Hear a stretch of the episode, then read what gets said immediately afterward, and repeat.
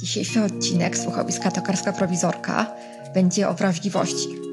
W końcu wrażliwość Pany, czy jak tam było u Masłowskiej. Z tego słuchowiska dowiesz się, jakie zalety i wady ma wrażliwość. Jak stwierdzić, czy jesteś wrażliwy, wysoko wrażliwy, czy całkiem niewrażliwy. Będą to ćwiczenia uczące reinterpretować swoją wrażliwość. I mem z psem Shiba Inu i Keanu Reevesem. Opowiem też, dlaczego introwertycy się częściej zakochują i o nietypowych uczuciach doświadczonych przez wrażliwców. Na przykład wstydzie odczuwanym, kiedy jakaś inna osoba zrobiła coś obciachowego. Albo gdy przeżywamy osobiście, jeżeli coś nieprzyjemnego się komuś innemu przydarzyło. Drzewiej nie była to jakoś seksji cecha i wiele osób wrażliwych wolałoby nie mieć jej, gdyby mogły same zdecydować, a wiadomo, że nic tu nie miały do gadania, ale teraz postrzeganie wrażliwości się zmienia. Zwłaszcza u kobiet nie jest to jakaś najgorsza cecha. Zaczęto też dostrzegać, że są osoby wysoko wrażliwe i termin ten zrobił nawet pewnego rodzaju karierę. Zwłaszcza, że wrażliwcy więcej czasu poświęcają na rozważania o sensie życia i o tym, jak wszystko jest skomplikowane, więc jest bardziej prawdopodobne, że wylądują prowadząc jakiś podcast albo pisząc książki. Gotowi? No to jedziemy.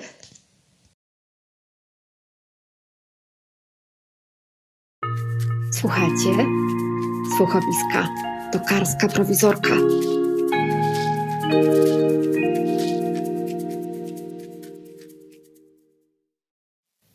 Bardzo dziękuję, że byliście ze mną w poprzednim odcinku, tym o legendzie Pałacu Kultury. Patrząc po statystykach, to był to wasz ulubiony odcinek słuchowiska. Nic dziwnego. Pałac kumuluje energię i nakręca miejski wyścig szczurów – więc wynik musiał być rekordowy. Do tej pory ulubieńcem publiczności było słuchowisko o śnie. To spać jak dziecko. To, że słuchacie i udostępniacie znajomym, dużo dla mnie znaczy. Dziękuję.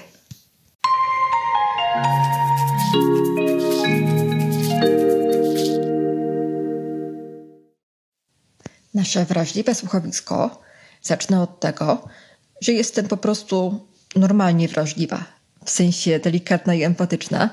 Nie jestem nadwrażliwa czy wysoko wrażliwa. Po prostu w niektórych sytuacjach jest mi trochę przykro. Chociaż może to wynikać też trochę z mojego stylu przywiązania. Pamiętacie ten odcinek Randki i Związki? Jestem wrażliwą introwertyczką, która dzieli się swoim życiem w social mediach i w tym podcaście. To nie jest chyba zbyt częste, bo kultura oversharingu wyszła z mody. Oczywiście robię to na swoich zasadach. Na przykład nie w sytuacjach, kiedy jest mi ciężko. Każdy ma momenty, kiedy czuje się jak bohater któregoś z portretów Christiana Schada. Za ściany milczenia w sercu jest metal, pod skórą jest stal. Ale to nie jest dziś. Jeżeli mam słabszy dzień, to niewiele publikuję i piszę, bo wierzę, że prywatność to luksus. Z drugiej strony nauczyłam się, że w niektóre ciężkie dni można zrobić sobie własne słońce. W środku zimy, gdy zastanawiamy się, czy będzie w ogóle kolejny dzień, dowiadujemy się, że jest w nas niepokonane lato. Można też po prostu poprosić o pomoc. Najważniejsze to wiedzieć, jak chcesz się czuć i co zrobić, żeby tak się czuć. A jak chcę czuć się bardziej zaintrygowana rzeczami, których doświadczam. To cecha osób wrażliwych. Życie jest za krótkie żeby nie robić tego, na co mamy ochotę. Ale też, żeby nie starać się wycisnąć z niego ile się da, szukając ukrytych znaczeń i znaków.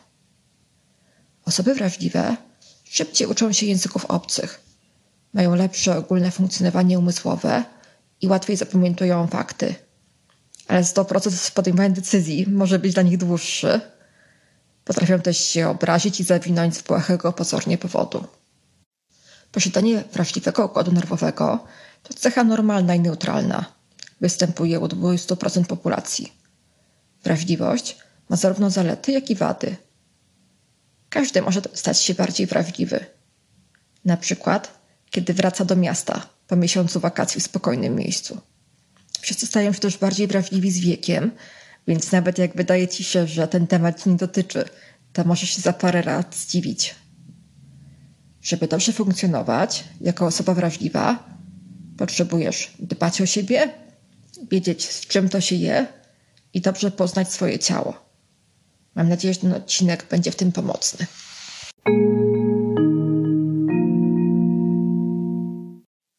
Każdy raczej intuicyjnie wie, czy jest wrażliwy, wysoko wrażliwy, czy całkiem niewrażliwy. Ale jeżeli nie możecie się zdecydować, to możecie zrobić sobie test. Test jest w książce Wysoko wrażliwi. Autorką jest psycholożka Elaine Aron. I nie, nie musicie się martwić, że każdemu tam wychodzi, że jest wysoko wrażliwy. W tym teście ma się jakieś zdanie i trzeba napisać, czy się zgadzasz z danym stwierdzeniem, jeśli chodzi o ciebie. Jeżeli masz dużo punktów w tym teście, to jesteś wysoko wrażliwy albo wrażliwy. Jak średnio, to średnio, a jak mało, to jesteś twardzielem. Ale nie jest tak, że trzeba wszystkie punkty spełniać, bo można być wrażliwym kawoszem. Czemu nie? Wrażliwość to spektrum i każdy z nas gdzieś na tym spektrum jest. Jesteś wrażliwy, jeśli wydaje ci się, że docierają do ciebie różne subtelne szczegóły otoczenia i że podlegasz wpływowi nastroju innych ludzi. Podobnie w sytuacji, kiedy dużo się dzieje, taka osoba ma często potrzebę znalezienia chwili dla siebie. Chowa się do łóżka, do łazienki w biurze albo do zaciemnionego pokoju, czy gdziekolwiek indziej, gdzie może mieć trochę spokoju i uciec od bodźców. Wrażliwcy są też czuli na działanie kofeiny. W sensie, że jak pracowałam w biurze, to piłam kawę codziennie, nic mi nie było. Teraz jednak nie piję jej prawie wcale, bo przygotowując odcinek o śnie, zdałam sobie sprawę, że kawa jest psychoaktywnym stymulantem o bardzo długim czasie połowicznego rozpadu, który nie może być substytutem wysypiania się przez 8 godzin dziennie. Wiem też, jak reaguje mój organizm po przedawkowaniu zielonej herbaty – nie żebym coś miała do stanów mistycznych, ale kiedyś przez pomyłkę wypiłam duży kubek espresso, myśląc, że to americano. I nie czułam się potem dobrze. A potem zostałam pierwszą chyba osobą na świecie, która miała bad trip po CBD, którym chciałam się uspokoić po tej całej kofeinie. Co też mi dobrze nie zrobiło. Skończyło się tak, że przez trzy godziny nie mogłam ani leżeć, ani siedzieć i zadzwoniłam do mojej koleżanki, że mam korona udar. Jeśli chodzi o pozostałe pytania z testu, to na pewno mam bogate i skomplikowane życie wewnętrzne. Taki magiczny świat wewnętrzny to jeden z moich najważniejszych darów. Jeżeli też tak masz, to pewnie też jesteś osobą wrażliwą. Na pewno też unikam książek i filmów pokazujących sceny przemocy, zwłaszcza przemocy wobec kobiet czy jakieś inne horrory. Po prostu łatwo mi przestraszyć. Wystarczy, że na tym filmie podkręcą muzykę i nagle z krzaków wyjdzie dziad z krzywymi zębami, a ja już się boję. Jeśli osoba wrażliwa widzi, że ktoś inny nie czuje się komfortowo w jakimś miejscu, to zwykle wie, jak temu zaradzić. Na przykład przez zmianę oświetlenia czy przestawienie foteli. Widzą oni też od razu, że dziecko zabije się o zbyt wysoki próg, na przykład w namiocie. W przeciwieństwie do projektantów tych namiotów, Dlatego takie osoby są dobrymi projektantami wnętrz i UX-owcami. Wrażliwcy cenią sobie wysublimowane perfumy, smaki i dźwięki. Są dobrymi blogerami kulinarnymi. Porusza ich sztuka i muzyka. Z drugiej strony łatwo przytłaczają intensywne bodźce, np. ostre światło czy hałasy. Szczerze mówiąc, nigdy nie rozumiałam słuchania głośnej muzyki o poranku. Nie mogłabym mieszkać z kimś takim, nawet jakby ten ktoś puszczał na cały regulator, że dziękuję Bogu, że mnie ma. Nawet szczoteczka elektryczna, która szumi rano, to dla mnie za dużo. Czuję się też czasem roztrzęsiona, gdy mam dużo do zrobienia w krótkim czasie, albo zbyt wiele rzeczy jednocześnie. Kiedy pracowałam w korporacji, wkurzało mnie ponoszenie odpowiedzialności za błędy innych i wieczny niedoczas. Bycie koordynatorem nie jest super pracą dla wrażliwej osoby, bo część osób wyłącza myślenie kiedy wie, że jest jakaś osoba odpowiedzialna za koordynację. Wtedy na przykład osoba, która coś musi prezentować na telekonferencji, zapomina, że nie ma działającego mikrofonu, albo zapomina przyjść na czas. Pamiętam taki dzień w korpo, kiedy miałam dwa różne bardzo ważne spotkania zaraz po sobie, bez żadnej przerwy i musiałam tam przez cały czas być, że potem nie było, że kiedy wyszłam na dwie minuty ustalono, że moja firma zrobi dla klienta coś, e, co nie zostało przeze mnie wycenione tak się śpieszyłam do toalety w trakcie, że zgubiłam długopis do notowania, który potem znalazłam w swoich rajstopach. Wrażliwość jest cechą wrodzoną, więc wiesz, że jesteś wrażliwy albo wrażliwa, jeżeli już w dzieciństwie rodzice i nauczyciele postrzegali cię jako wrażliwą czy nieśmiałą. Wrażliwość jest też kulturowa.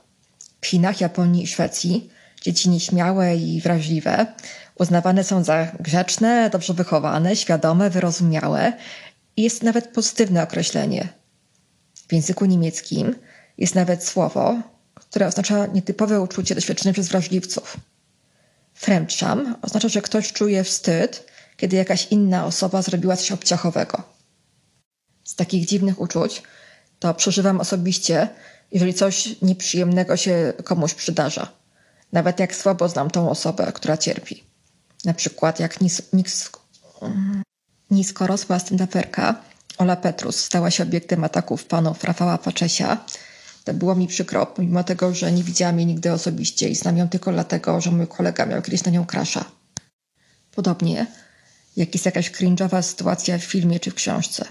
Muszę sobie wtedy zrobić przerwę w czytaniu, nawet jeżeli wiem, że z konstrukcji fabuły wynika to, że zaraz będzie z górki i że te postaci się z tego na koniec obśmieją jak norki. Na przykład nigdy nie przeczytałam do końca książki Średni współczynnik szczęścia Dawida Macedo, która jest super powieścią, ale zbyt dużo było nieprzyjemnych sytuacji przytrafiających się jej bohaterowi na początku. Z drugiej strony, czucie emocji jest mega fajne. Jest mi mega szkoda osób, które już się nie zakochują tak jak w liceum. A ja spokojnie, ze trzy razy do roku. Intensywne zakochiwanie się to kolejna cecha osób wrażliwych. I bardzo dobrze. Zakochanie skutkuje podwyższeniem poczucia kompetencji. Czujemy się więksi i lepsi, z drugiej strony, dość często przytrafia się nam miłość nieodwzajemniona, gdzie, gdzie ten brak wzajemności przydaje jej jeszcze intensywności.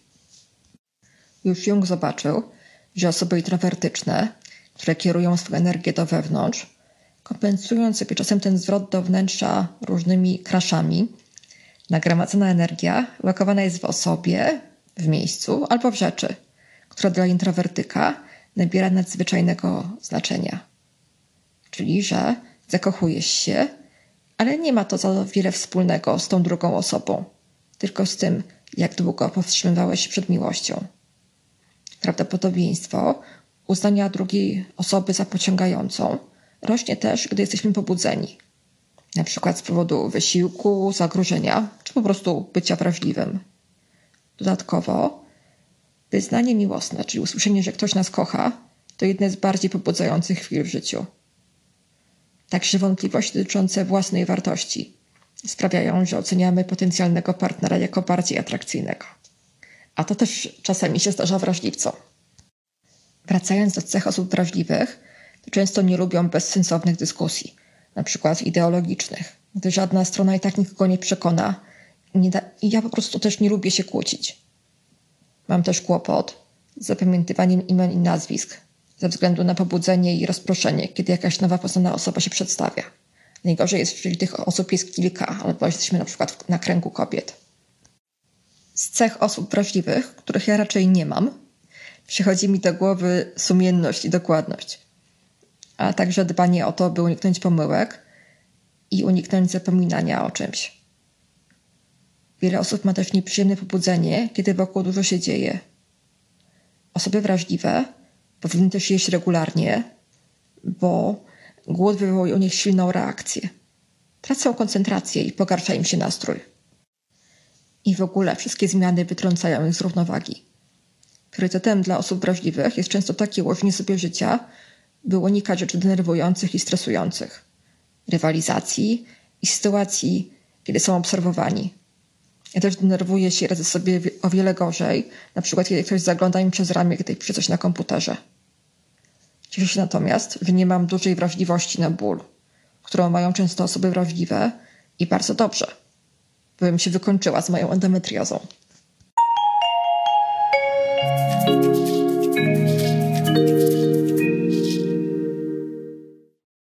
Sporo jest tych cech, wiem.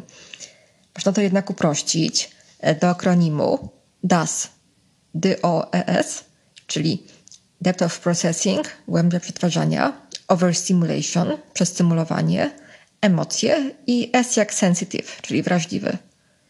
Mówiąc trochę bardziej dokładnie o tym akronimie Elaine Aron, D oznacza głębię przetwarzania. Ta głębia oznacza zdolność do postrzegania subtelnych szczegółów wysyłanych przez ludzi i różnych niewerbalnych sygnałów, np. o nastroju czy, na, czy zamiarach rozmówcy. Przed przystąpieniem do działania osoby wrażliwe obserwują i zastanawiają się głębiej niż inni. Nieustannie przetwarzają też informacje na poziomie świadomym czy nieświadomym. To się w normalnym języku nazywa intuicja, ale też niestety prokrastynacja. Każdy mój większy kreatywny projekt powstawał tak, że najpierw jak coś chciałam zrobić, to dwa lata siedziałam przy stole i myślałam, jednocześnie dowalając sobie w myślach, że tego nie robię i opowiadając każdemu, kto chciał słuchać, że chcę co robić. A potem zwykle wstaję, mówię hej zaczynam to robić. Zwykle od razu dobrze mi idzie, bo przez te dwa lata moja podświadomość przemyliła temat wzdłuż i wszerz. Miałam też raczej sytuacji, kiedy dochodzę do wniosku, że na przykład z tym podcastem to był jednak głupi pomysł. Tak powstaje każdy mój projekt. Dwa lata za późno, ale to bez jakiegoś sumiennego zapału. Tematem, który teraz się mieli w mojej głowie i który pewnie odpalę za kolejne dwa lata, są kolaże w digitalu. To taka mapa marzeń, tylko że nie ogranicza nas zasób materiału. Możemy wycinać elementy ze starych obrazów, z gazet, z całych pokładów internetu. A najlepsze jest to, że nie trzeba mieć analogowych skillsów, żeby wyżywać się kreatywnie. O oznacza overstimulation, czyli to, że osobę wrażliwą szybciej dopada przepracowanie i przestymulowanie. Zaczyna wtedy odczuwać zmęczenie szybciej, ponieważ poświęca wszystkiemu więcej uwagi i jest szczególnie podatna na oddziaływanie środowiska. Jak mawiał klasyk, byt kształtuje świadomość. E mówi o akcencie na emocje i empatię. U mnie wynika to też z moich mocnych stron, stop 5 testu Galupa, takich empatia czy bliskość. Pamiętacie ten odcinek o testach Galupa? S, czyli sensitive, to wyczulenie na subtelności w otaczających nam, nas świecie. Po prostu wrażliwość. Także to, że chcemy więcej doświadczać i być bardziej zaintrygowani rzeczami, których doświadczamy. Trudno jest porównać wewnętrzne doświadczenia różnych osób, ale na pewno mamy mniejszy próg tolerancji na bodźce, które nadrabiamy przez kreatywność, przenikliwość, opiekuńczość i wrażliwość. Niestety, idzie to w parze z ostrożnością, wycofaniem i potrzebą spędzenia dodatkowego czasu w pojedynkę. Ten tydzień miałam bardzo intensywny, więc nie zmartwiłam się bardzo, że mój weekendowy wyjazd do Włocławka został odwołany. Zwłaszcza, że pożyczyłam sobie z biblioteki super książkę Wielką masakrę kotów Roberta Damtona. Oczywiście, dalej chcę pojechać do Włocławka, ale chętnie też posiedzę w domu. Jednocześnie każdy potrzebuje pobudzenia. Właśnie dlatego pijemy kawę, jedziemy do Włocławka, włączamy muzykę, spotykamy się ze znajomymi, zmieniamy zawód czy zaczynamy prowadzić podcast.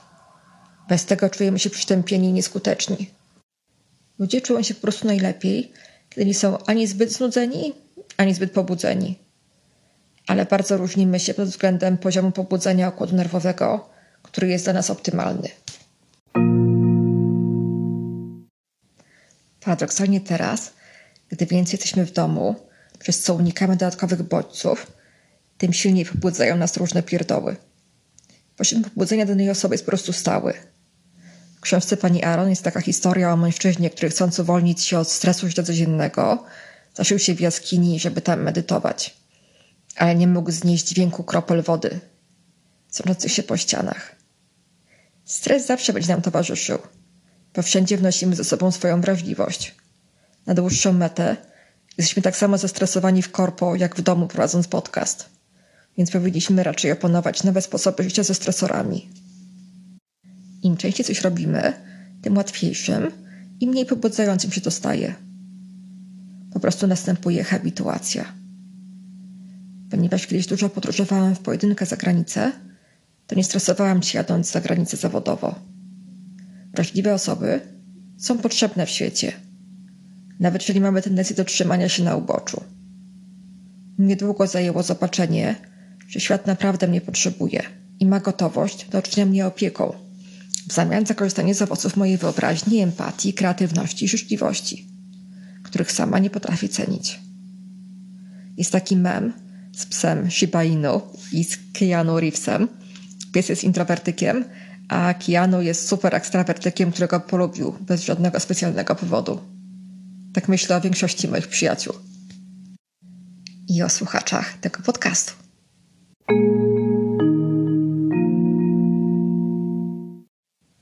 Najbardziej przerażające jest całkowite zaakceptowanie siebie.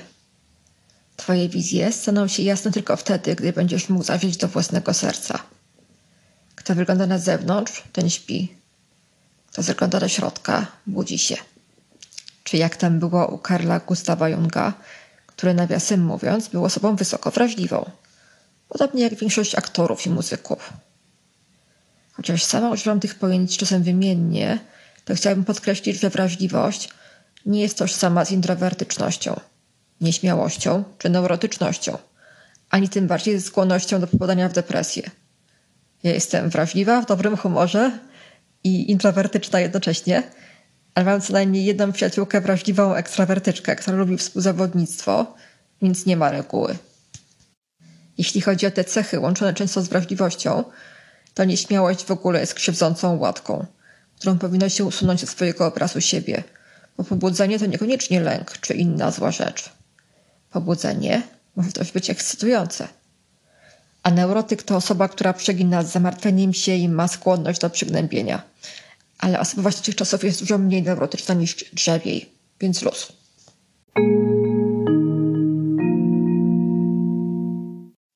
Wracając do książki pani Aaron, to pamiętam, że były tam różne fajne ćwiczenia uczące reinterpretować własną wrażliwość. Taki trening pozwala aktywnie spojrzeć w przeszłość. Zobaczyć, że większość porażek była nieunikniona. Ale też przypomnieć sobie, co zadziałało w naszym życiu. Na przykład, jeżeli nasze życie zawodowe nie jest idealne, to możemy zrobić sobie kronikę rzeczy, które są dla nas ważne. Na przykład przeczytanych książek, tematów rozmów z przyjaciółmi, rzeczy, które robimy dla przyjemności. Następnie możemy się zastanowić, czy może można zarabiać na tym, co lubisz i na co poświęcasz czas. Można też zastanowić się, jakie wydarzenia pamiętasz z dzieciństwa. Kolejne ćwiczenie to wymyślenie, jak poznaliśmy w przyszłości swoich najlepszych przyjaciół, po to, żeby móc zacząć znowu to robić i poznać nowych ludzi. Kiedy byłam w podstawówce, koleżanka ze starszej klasy zaprosiła mnie do kawiarni. To było ekscytujące, bo musiałyśmy pojechać do centrum autobusem. Pamiętam, że poszłyśmy do Horteksu koło Sezamu, a potem na ślizgawkę koło naszej szkoły. I znamy się do dziś. Zostałam też kiedyś zaproszona do grupy poetyckiej, też w podstawówce, i dalej znam się z jedną osobą z tej grupy. A nie tak dawno zaproponowałam osobie, którą słabo znałam, że pojadę z nią na wakacje. Bo też chciałam pojechać do tego kraju, gdzie ona miała kupione bilety i teraz jesteśmy przyjaciółkami. Podobnie można zastanowić się nad historią swoich miłości. Jak poznaliśmy te osoby. Może zrobiliśmy razem coś ekscytującego, może coś nietypowego dla nas. Takie podsumowanie pozwala wyjść ze swojej skorupy. Przecież świat zewnętrzny jest super. Trzeba tylko nauczyć się radzić sobie z pobudzeniem. Możemy poszukać wsparcia zaufanej osoby, unikać drenujących nas sytuacji, albo radzić sobie z nimi krok po kroku. Kiedy idziemy gdzieś, gdzie nie wiemy, jak się będziemy czuli, możemy wziąć kogoś do towarzystwa, albo umówić się ze sobą, że będziemy mogli wyjść, jeżeli nam się nie spodoba.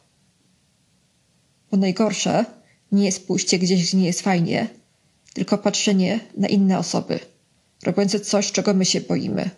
Na przykład robiące karierę, podróżujące, dokonujące zmian w swoim życiu, podczas gdy my chcemy, ale się boimy. A wiemy, że mamy takie same talenty, pragnienia i potrzeby. To jak? Wrażliwość Pany?